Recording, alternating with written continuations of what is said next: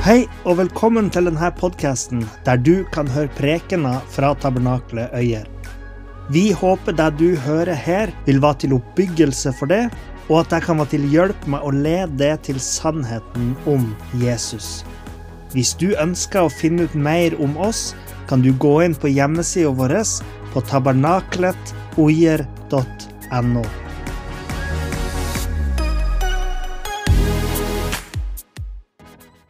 ned oss sjøl når vi kommer på gudstjeneste, Herre. For vi ønsker virkelig å gi alt av oss til det, Herre. Og vi ber om Den hellige ånds styrke til å gjøre det. Eh, eh, Herre Far, vi, vi, ber om at ditt ord skal komme fram her i dag og, og treffe oss i hjertet.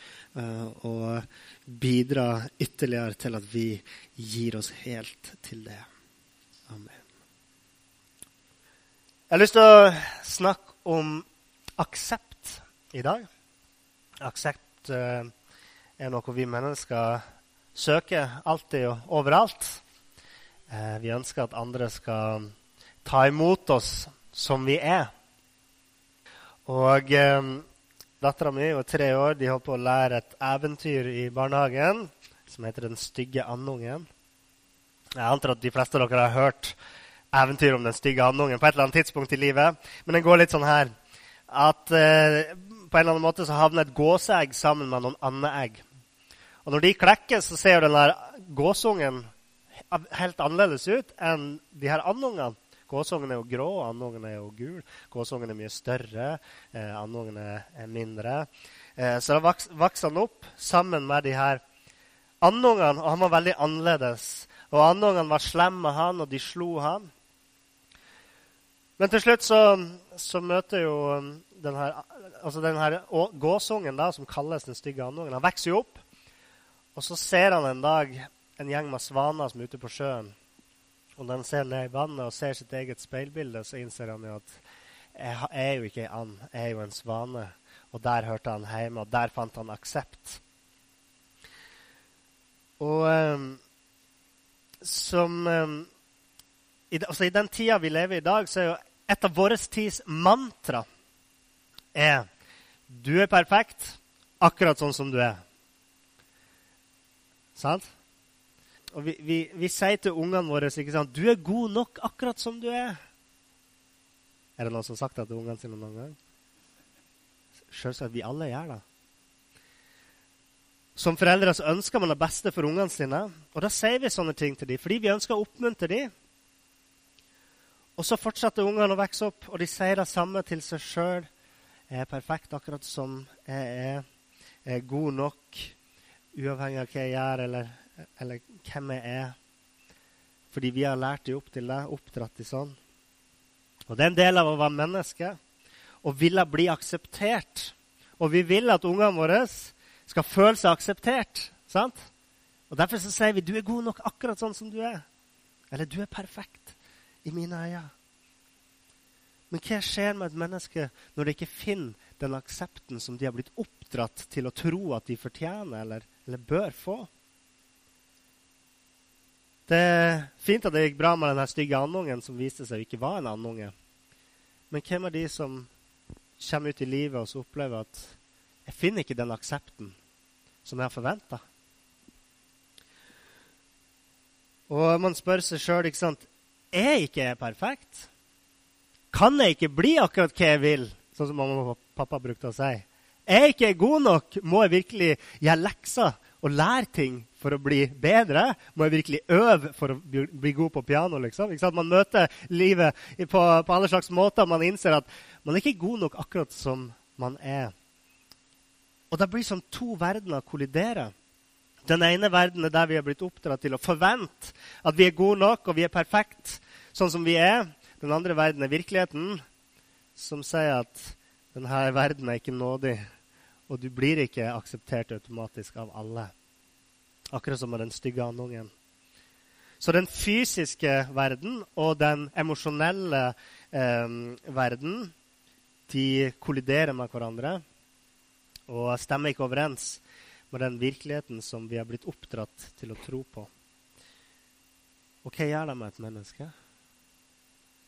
Hva skjer hvis den stygge andungen ikke finner den aksepten han gjør i eventyret hvis han hadde vist seg å bare være en stygg andunge og aldri funnet denne svanefamilien som han finner. Når vi leser Bibelen, så skal vi ikke lese så veldig mange sider før vi innser at mennesker er ikke, akkurat, er ikke helt perfekt akkurat sånn som de er. Ja, Gud han skapte menneskene perfekt i Edens hage. sant? Eller perfekt. Eh, han skapte de som de beste menneskene de kunne være. Altså perfekte mennesker. De er jo ikke perfekte i, i alle ting. Eh, Adam og Eva hadde jo ikke blitt en god datamaskin, f.eks. De var jo et menneske, så de var ikke perfekte i alle ting, men de var, de var perfekte mennesker. ok? Eh, men det varte jo ikke så lenge, denne perfekte, denne perfekte tilstanden som de var i. For de spiste jo av den forbudte frukt, som vi leser om. Var det en pære eller en banan? Jeg husker ikke helt. Eller det var granateple, kanskje, pga. den eksplosive kraften det hadde. Så det vi har lært, er å ikke spise granatepler, fordi da, da er vi ikke perfekte lenger. Neida. Men poenget er de spiste av frukten, og hele verden falt fra sin opprinnelige perfekte tilstand. Og det gjorde at mennesket ikke lenger var perfekt. Vi er alle påvirka av det. Ingen av oss er perfekt. I hvert fall ikke perfekte mennesker. Og det førte død inn i verden. Det førte sykdom, lidelse inn i verden. Det ødela vår sjel fordi den, det avskjærte oss fra den nærheten vi skal ha til Gud, som han skapte oss til. Og ikke nok med det, men vi er heller ikke i stand til å redde oss sjøl fra døden. Så vi mister retten til liv. Og eh, Bibelen er ikke full av perfekte mennesker. Det ser vi helt ifra begynnelsen. Og, eh, og, når man leser eventyr og fabler og den, den slags ting, sant, så hører vi om de her heltene, de her perfekte menneskene, de her, de her superheltene nærmest, sånn som f.eks. Espen Askeladd. sant? Klart For oss som bor i Gudbrandsdalen, så vet vi at Espen Askeladd er ikke et eventyr. Han bor i ei her oppe i dalen. Eh, veldig irriterende fyr. Eh, første gangen jeg møtte han, jeg flytta hit for tre år siden, eh, jeg bare hørte noen som sa 'Jeg fant, jeg fant', og så kjørte han av gårde med bilen min. Han trodde den var magisk, fordi ingen kan tro at en Skoda går. Så vi har mye problemer med han her i bygda.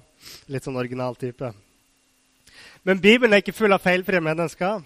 Men den er full av mennesker som gjør feil. Og det gjør meg glad, egentlig. Ikke fordi at menneskene gjør feil, men fordi at den er ærlig. Den er ærlig om hvem menneskene er, uh, og hvordan vi, hvordan vi um, handler.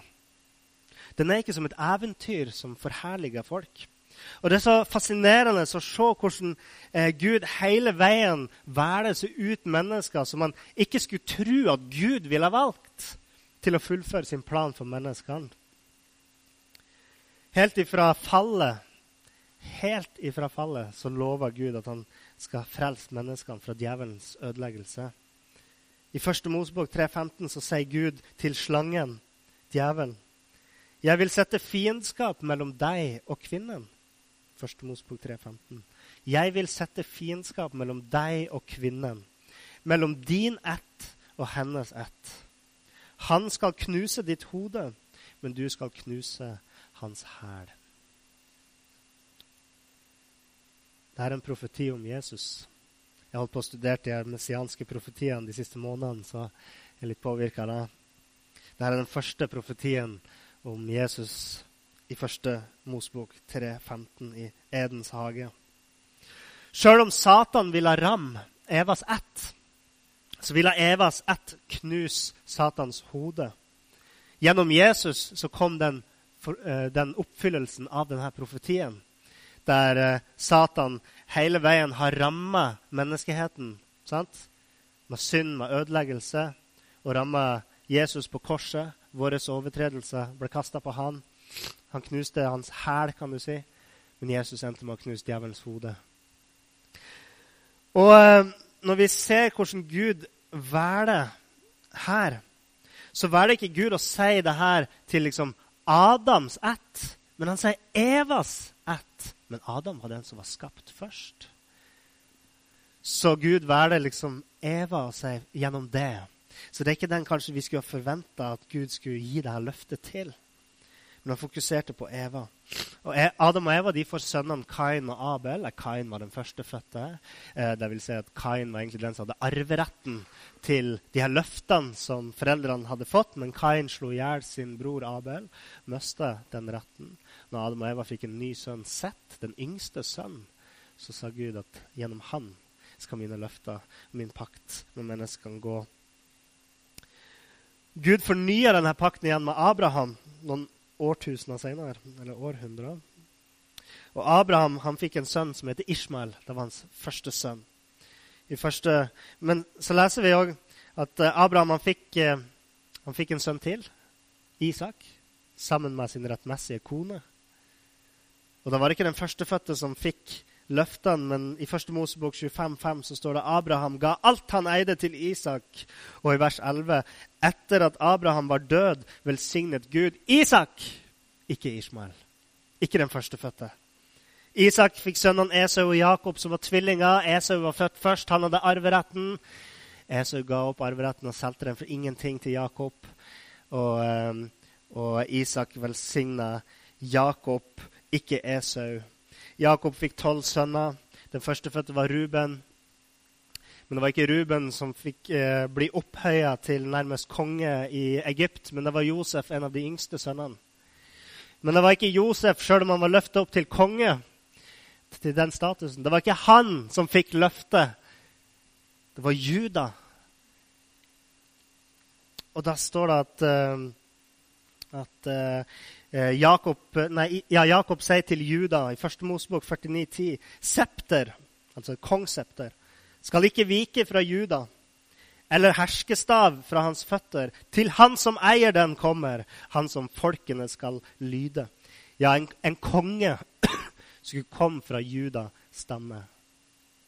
Senere velger Gud ut Moses til å lede folk ut av Egypt. Han velger en person med talefeil til å lede sitt folk når profeten Samuel blir kalt til å finne en ny konge for Israel i, eh, i 1. Samuels bok 16, så ble, eh, ble, Samuel kalt til Isais familie i Betlehem, en liten by.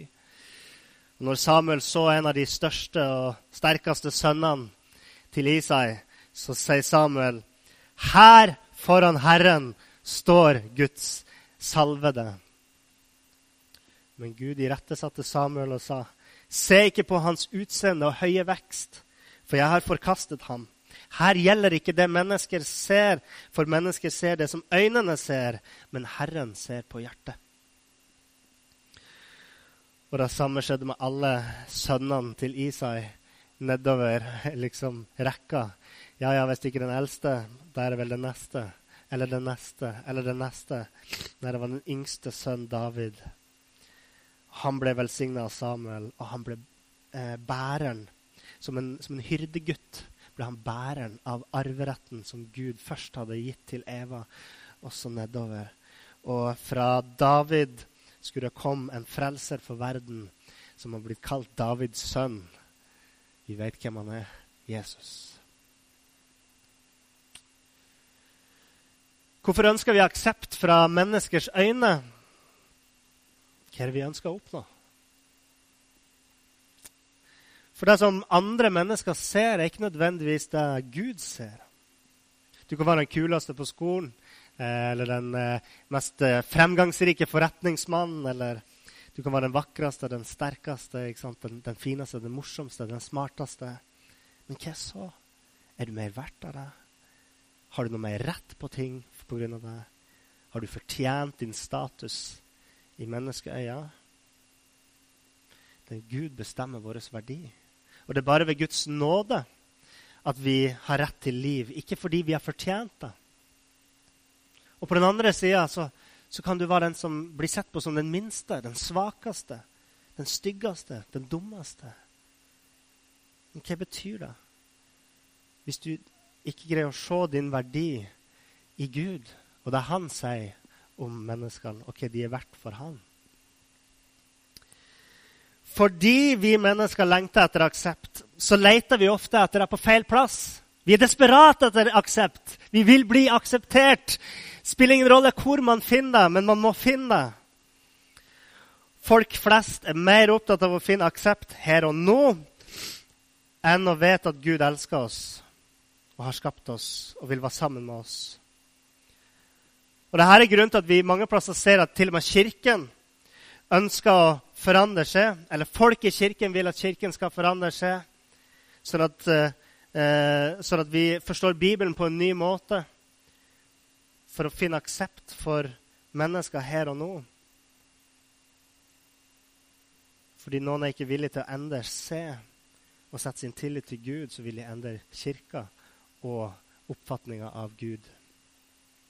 Vi ser muslimske ungdommer gir opp sitt liv her i Norge. Tenk foreldrene deres har flykta fra krigssoner for å redde sin familie og komme til Norge. Og vi ser muslimske ungdommer som forlater den tryggheten og reiser ned til krigssona i Syria for å gi sitt liv der. Eh, fordi de ønsker så desperat å finne aksept og verdi blant mennesker. Ungdommer de trekkes til venstreradikale og høyreradikale miljø. Og i de her miljøene så vet de hvilke knapper de skal trykke på. De lokker med aksept og sier hvis verden hater det, så tar vi imot det. Der blir de i det minste tatt imot akkurat sånn som de er. La oss ta noen eksempel på, på hvilke trender vi ser i samfunnet i dag. Det er kanskje ikke de mest populære, men jeg tar de som et eksempel. Har dere hørt om kroppspositivitetsbevegelsen? Utrolig mange som nikker nå. Det er en, en, bevegelse Noen i USA de kaller det eh, fat acceptance movement. Altså at man skal akseptere de som er overvektige. Og denne, denne bevegelsen kom som en motreaksjon eh, mot sånne su supertynne supermodeller. ikke sant? Som å se på catwalken i Paris liksom, og, og, den type ting. Ja, jeg har aldri sett dem på catwalken i Paris. Det var ikke det jeg prøvde å få fram. uh, men ikke sant? samfunnet har liksom skapt et, en, en, en ideal kropp. da. Og, og, de reagerer på det og sier at det er unaturlig kroppsideal som, som fremmes sant, på framsida av sånne eh, blanke magasin som man ser i, i butikkhyllene. Eh, og de ønsker å gjøre noe mer og liksom ha mer normale modeller som fremmer klær eh, og den type ting. Nå er jeg ikke interessert egentlig i at vi skal ha så mye halvnakne folk eh, på, på framsiden av bladene våre i det hele tatt. Men jeg ser jo verdien i det når du blar i en, i en eh, kleskatalog. Eller nå blar vi ikke i kleskataloger lenger. Når vi går på nettet og skal se på en genser vi har lyst til å kjøpe, så er det fint å ha en modell. da. Uh, og jeg tenker For de som har litt ekstra, så er det jo fint å ha en modell som reflekterer på en måte hvordan folk flest ser ut. Jeg er helt enig i det. Uh, og, og, ha de her unaturlige kroppsidealene tror jeg kan ha, ha en veldig negativ påvirkning på unge spesielt, som ser opp til Du ser sånn treningsmagasin. så er alltid sånn halvnakne, supergodt trente folk som har en, en, en, kropp som er helt unaturlig for de fleste av oss, i hvert fall. Og, så, jeg, så jeg syns kroppspositivitetsbevegelsen er en veldig bra ting. Eller det var det. Fordi etter hvert så begynte det å gå for langt der sykelig overvektige mennesker skulle hylles som òg vakker, perfekt. Og, og, det er ikke å si at de ikke er like høyt elska. Jeg skal ikke kritisere de som er overvektige. ok? Eh, ikke, ikke prøv å ta meg på det. Men å fremme frem noe som er sykelig, hvorvidt de er sykelig tynn eller sykelig overvektig, å fremme det som et ideal, syns jeg er feil. Ok? Men alt det her er fordi at alle ønsker å bli akseptert. Og, og folk sier men, men, jeg har ikke lyst til å gi opp min livsstil. Eh, liksom, så, så, jeg vil at dere skal akseptere meg med den kroppen jeg har, uansett hvilken kropp jeg har. Ja, vi her i menigheten vi tar imot hvem som helst, uansett hvor tynn eller stor de er. Men, eh, men jeg vil ikke at samfunnet skal bli sånn at man hyller det som er sykelig. Et annet eksempel er et ganske nytt fenomen som heter transartsisme. Dere har kanskje hørt om transseksualitet, mens uh, transartsisme eh, er mennesker som identifiserer seg med en annen art enn mennesket. Uh, og jeg vet ikke hvor mange det fins, uh, men, men, det er en del mennesker som identifiserer seg som helt eller delvis som noe annet enn et menneske. En person han kaller seg Medusa. Han uh, identifiserer seg som en drage. Det finnes mange forskjellige. Noen identifiserer seg som alver eller, eller en rev eller en katt eller en hund. ikke sant? All slags ting. Men òg mytiske vesen. Han her identifiserer seg som en drage. Og han forteller at han ble misbrukt av sin bestefar. Men eh, så sier han at etter et møte med en klapperslange så innså han eh, at han umiddelbart følte seg akseptert av reptilene. Og Han sier jeg har to mødre. Den ene er min biologiske mor. Min andre fødsel er av mine reptilforeldre. Medusa han har brukt 500 000 kroner omtrent fram til nå på å endre utseendet sitt operert ansiktet til å ligne på en drage, splitta tunga si i to, eh, skifta kjønn til kvinne og kaller seg Medusa. Og så har han implantert sånne horn i hodet. ja, Metallimplantat, så det ser ut som det har horn. Han har dekka hele kroppen med tatoveringer som ser ut som skjell. Drageskjell. Men hvor kommer det her ifra? Når jeg leste om dette fenomenet, så, så så jeg at en del av de identifiserer seg som demoner. Hvilket menneske ønsker å identifisere seg som et vesen som kunne kjent for å være ond? Hvilke krefter er det som ligger bak? Jeg tror det er et hint. Jeg tror det er et hint. Men dette er bare noen av alle de her postmoderne bølgene som skyller over samfunnet vårt i dag. Alle har rett til å bli akseptert. Alle skal bli akseptert. Men hvis du tror at du er en pusekatt, så vil jeg si i dag at du er på villspor. Gud skapte oss mennesker i sitt bilde, som noe vakkert. Og vi forkaster det så lett. Den stygge andungen han vil ofte gjøre hva som helst for å bli akseptert. Jeg må bli akseptert. Jeg må finne min svanefamilie.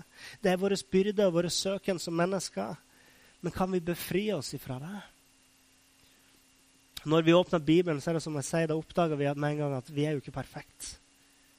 Og selv om det er sant at alle mennesker har lik verdi og er like høyt elska av Gud, og Jesus døde for hver og en av oss, så er det ikke sant at vi er perfekte. Kanskje du sliter med akkurat det her og opplever å bli akseptert. Og Jeg vet ikke hvorfor du kanskje opplever den følelsen, men vi alle har den innimellom. Men imperfeksjon, det å ikke være perfekt, det rammer oss alle. Mennesker dør. Det er ikke perfekt. Mennesker blir syke. Det er ikke perfekt. Så, så imperfeksjon rammer oss alle. Og vi sier eh, ingen er perfekt. Så hvorfor aksepterer du ikke meg sånn som jeg er? Sant? Mange mennesker de oppdager sjøl at de er ikke perfekte. Og da jager jeg ikke lenger etter aksept i perfeksjon men man jager etter aksept uten perfeksjon. Hvis vi tror vi er perfekt, så jager vi etter aksept fordi vi tror vi er perfekt. Men når vi innser at vi ikke er det, så jager vi etter, nei, etter aksept uten perfeksjon. Og det betyr at når vi sier at men vi alle er syndere, vi alle tar feil, så kan du enten bøye kne for Gud og vie ditt liv til Han, eller du kan gå ut i verden og kreve at alle skal akseptere og omfavne og elske det som er ødelagt og syndig. Det er to valg der. Eh, når jeg var tenåring, da ville jeg at folk skulle eh, akseptere meg. Eh, Sjøl om jeg var kristen, så ville jeg at alle vennene mine skulle se at jeg var ikke så annerledes enn de allikevel. Eh, jeg ville at de skulle se, om, eh, se at ja, sjøl om jeg var kristen, så var jeg ganske lik dem. Det ville jeg at de skulle se. sant? Og eh, jeg ville jo fortsatt å, å, bli akseptert. Og jeg tror mange kristne de tenker litt sånn. De tenker litt sånn. Men er det sånn vi vil at kirka skal være? At uh, kirka er ei kirke som sier Se hvor mye jeg ligner på det verden. Se hvor lik vi er det verden. Er det sånn vi vil at kirka skal være? For min del så ble jeg i hvert fall ikke mer lik Jesus. Og jeg tror ikke kompisene mine så så mye av Jesu lys i meg alltid. De visste at jeg var på møte på fredager. Men resten, da? Jeg hadde lyst til å være lik dem og bli akseptert. Men Gud er nådig, og han slutta aldri å kalle meg til et liv uten skam i Jesus.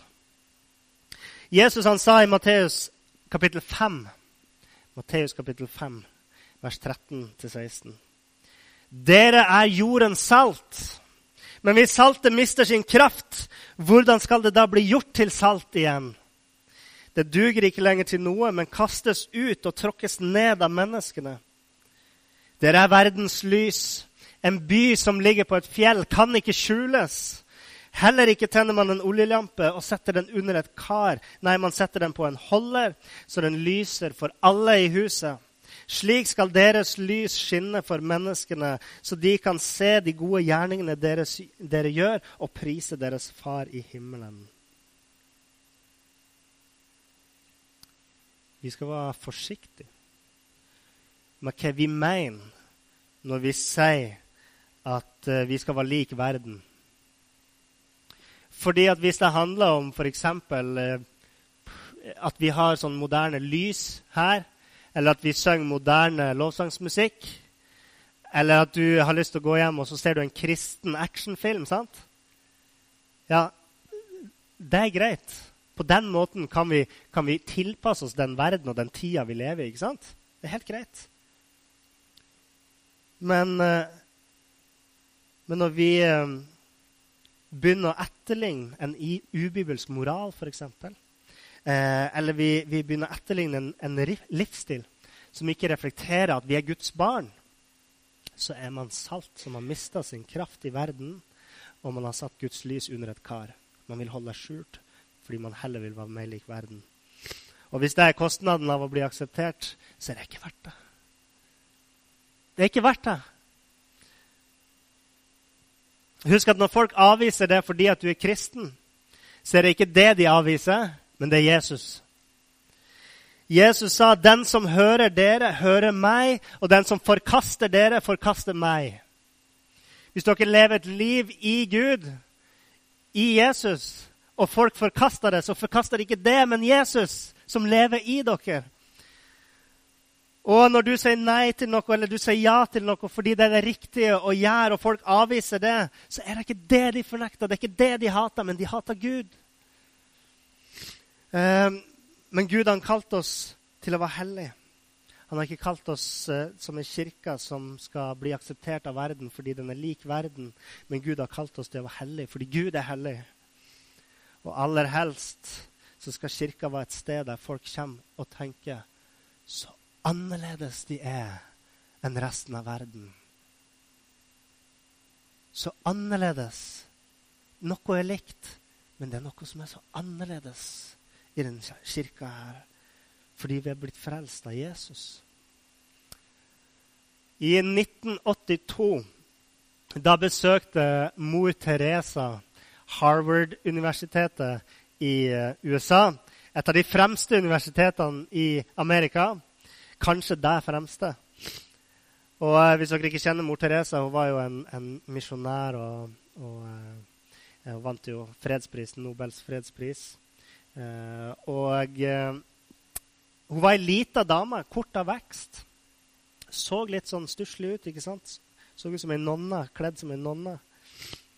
Og uh, denne kortvokste lille dama, gamle dama, skulle holde en preken, en tale, avslutningstale, for avslutningskullet på Harvard universitet i USA. Her var det jo hundrevis av ferdig utdanna, høyt utdanna, høyst intelligente mennesker som skulle høre på hun holde en tale om at abort er den største synden i samfunnet, og, eh, og viktigheten av jomfrudom før ekteskapet. Det var temaet hun hadde lyst til å snakke om foran alle de her, de her unge voksne. Først så var jo mottagelsen kjølig. Men når hun var ferdig med talen sin, så mottok hun stående applaus. Og eh, det de ikke visste, alle de her hundrevis av elevene, det var at blant de elevene som var der, blant de studentene, så var det noen som reiste seg opp og gikk fram til henne eh, og omfavna henne. Eller hun omfavna de når hun innså hvem de her var. Det var barn som hun hadde vært med å redde ut av fattigdom. Løfta ut av fattigdom i India. Og hadde ikke sett dem, men nå hadde de havna i USA, på det fremste universitetet. Og når hun gjenkjente de som hun gjorde, så omfavna hun de. Og det var et sterkt, sterkt øyeblikk. Og det ga, det ga troverdighet til budskapet hennes. Her gjelder ikke det som mennesker ser, for mennesker ser det som øynene ser, men Herren ser på hjertet. Og Kanskje har du hørt at en som meg står her framme og så sier eh, Kom til Jesus akkurat sånn som du er. Sant? Vi sier det. Jeg sier det. Og hva mener vi med det? Jo, hvis du er åndelig død, til og med hvis du er åndelig død på innsida, så kan du komme til Jesus og få nytt liv og oppleve at det er ikke lenger du som lever, men det er Jesus som lever inni deg. Du kan komme til Gud med alle dine feil og mangler, og du kan bli født på nytt. Og Jeg vet at alle ønsker aksept, fordi vi er skapt til å bli akseptert. Vi er skapt til at Gud skal akseptere oss. Vi er skapt til relasjon med Gud. Men så er jo den tøffe sannheten at ingen av oss er jo perfekt som Gud er perfekt. Derfor er ingen av oss akseptert av Gud i oss sjøl. Det er bare ett menneske som er akseptert av Gud. Vet dere hva han heter? Jesus. Jesus. Og ved troen på Jesus så kan vi bli akseptert hos Gud. Kun ved troen på Jesus. Men fordi vi alle er ødelagte mennesker, så leter vi etter aksept for feil ting på feil sted, som dere har hørt i dag. Men den viktigste personen å bli akseptert av, er Gud. Og når vi kommer til Han, og vi legger ned vårt eget liv og vår egen stolthet, og vi gir Han alt som vi synger, alt som tynger oss, og gir det til Jesus, så vil vår lengsel etter aksept bli oppfylt. Fordi der får vi den aksepten vi alltid har drømt om. Den vi var skapt til å få. Den får vi hos Gud. Skal vi be. Herre, Far. Du ser at vi alle er på utkikk etter å bli akseptert, om det er på jobben eller på skolen eller på trening eller, eller hvor det skulle være, Herre Far. I vår egen familie. Vi ønsker å bli akseptert for den vi er. Herre Far, må du åpne vårt eh, hjerte for å ta imot det, så vi kan bli akseptert som dine barn, Herre Far. Den største, den viktigste aksepten av de alle. Hjelp oss så vi ikke leter etter aksept på feil sted. Hjelp oss så vi ikke eh, leter etter aksept for feil ting.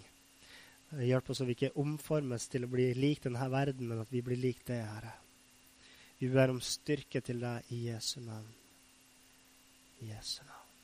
Amen.